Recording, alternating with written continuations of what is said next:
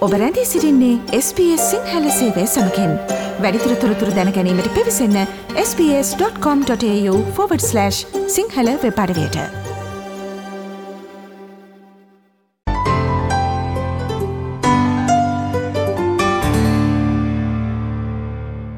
ඕස්ට්‍රලියාවෙන් වාර්තාාවන කාලින වැදගත් තොරතුරු ඇතුළත් කාලින විශෂාන්ගෙන් අද දවස්සේදී මෙම ශීතර්තුවේ පවතින විවිධ ආසාධන රැල්ල මධ්‍යයේ සැලසුම් කළ සැත්කම්වලද පසු බෑමක් දක්නට ලැබෙන බව ස්ට්‍රලයානු ශල්‍ය වෛද්‍යවරුන් අනතුරුවැඟවීම සහ මේ හේතුවෙන් පරිපූරක වෛද්‍යවරුන් සහ ගිලන් රථ සංඛ්‍යාව ඉහරනැංවීමට විවිධ ප්‍රාන්ත කටයුතු කිරීම පිළිබඳව තොරතුරුව ඔබට කෙනෙනවා.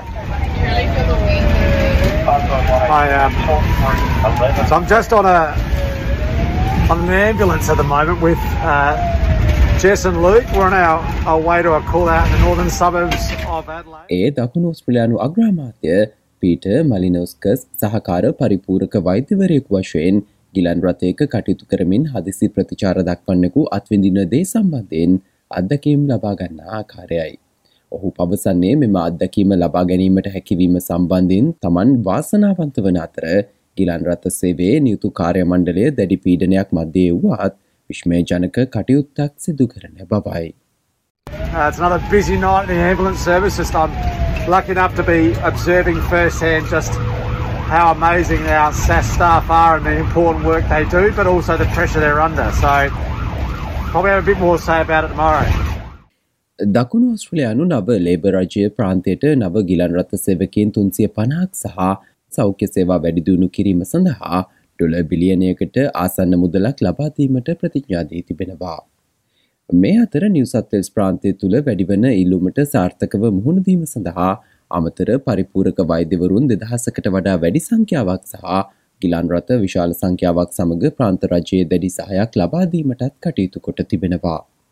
නිවසත්වල්ස් ප්‍රාන්තග්‍රාමාත්‍ය ඩොමිනික් පෙරටේ පවසන්නේ පරිපූරක වෛද්‍යවරුන්ට ඔවුන් සිදු කරන මෙහය සම්බන්ධයෙන් සිය ස්තුතිය පුද කරන බවයි. I want to particularly thank Zid at the start our paramedics um, because uh, they're, as we know, they're under uh, a lot of pressure and they have been uh, for some time.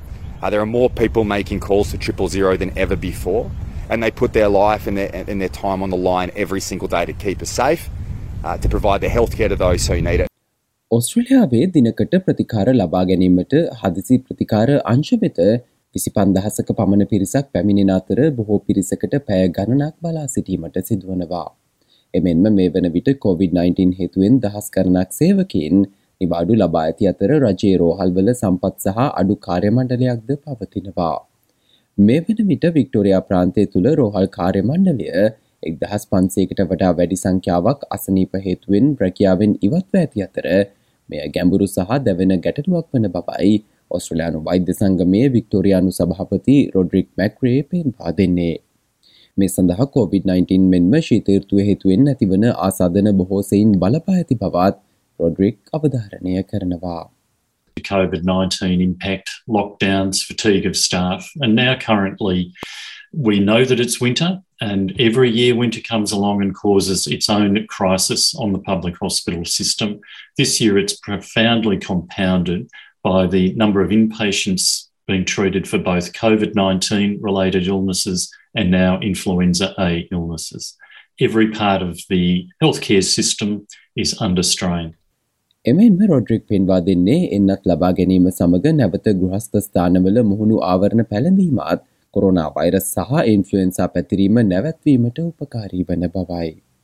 Think of it very simply. If there's a roof involved, wear a mask because you want to minimize the likelihood that you can receive a virus. You can actually have already received it and pass it on before you know you're ill.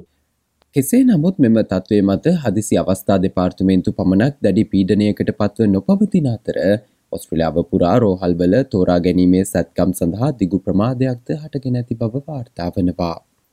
රාජකී ඔස්ට්‍රලයානු ශල්්‍ය වෛද්‍ය විද්‍යාලයේ වික්ටෝරයානු සභාපති වෛද්‍ය Matthew හැඩ්ෆිල්ඩ් පෙන්වා දෙන්නේ මෙම තත්වයෙන් මිදීම සඳහා රෝහල්වලට වැඩි කාර්යමණ්ඩලයක් වැඩි පහසුකම් මෙන්ම සැලසුම් කළ සැත්කම් හදිසි ප්‍රතිකාරවලින් වෙන් කිරීමත් සිදු කළ යුතු බවයි. I think everyone agrees that in terms of surgery, the three things that, that are needed to deal with this backlog is more staff more facilities, and some way of separating planned surgery from the emergency presentations. It's how you do that in a short time frame that's really, really difficult. ඔස්ට්‍රලයාාවේ අලුත්ම තොරතුරු ස්පේ සිංහල සේවය විසින් දෛනිකව ගෙනෙන කාලින තොරතුරු ගුවන් විදුලි විශෂන්ගෙන් සජීවීව අපි ඔබ වෙත ගෙනෙනවා. පසුව සවන් දෙන්න ps.com.tu/ සිංහල යන අපගේ වෙබ්බඩවයේ ඉහළ තීරුව ඇති මාතෘකා යන කොටස කලික් කොට කාලින ලෙස නම් කොට ඇති වෙබ් පිටුවට පිවිසන්න.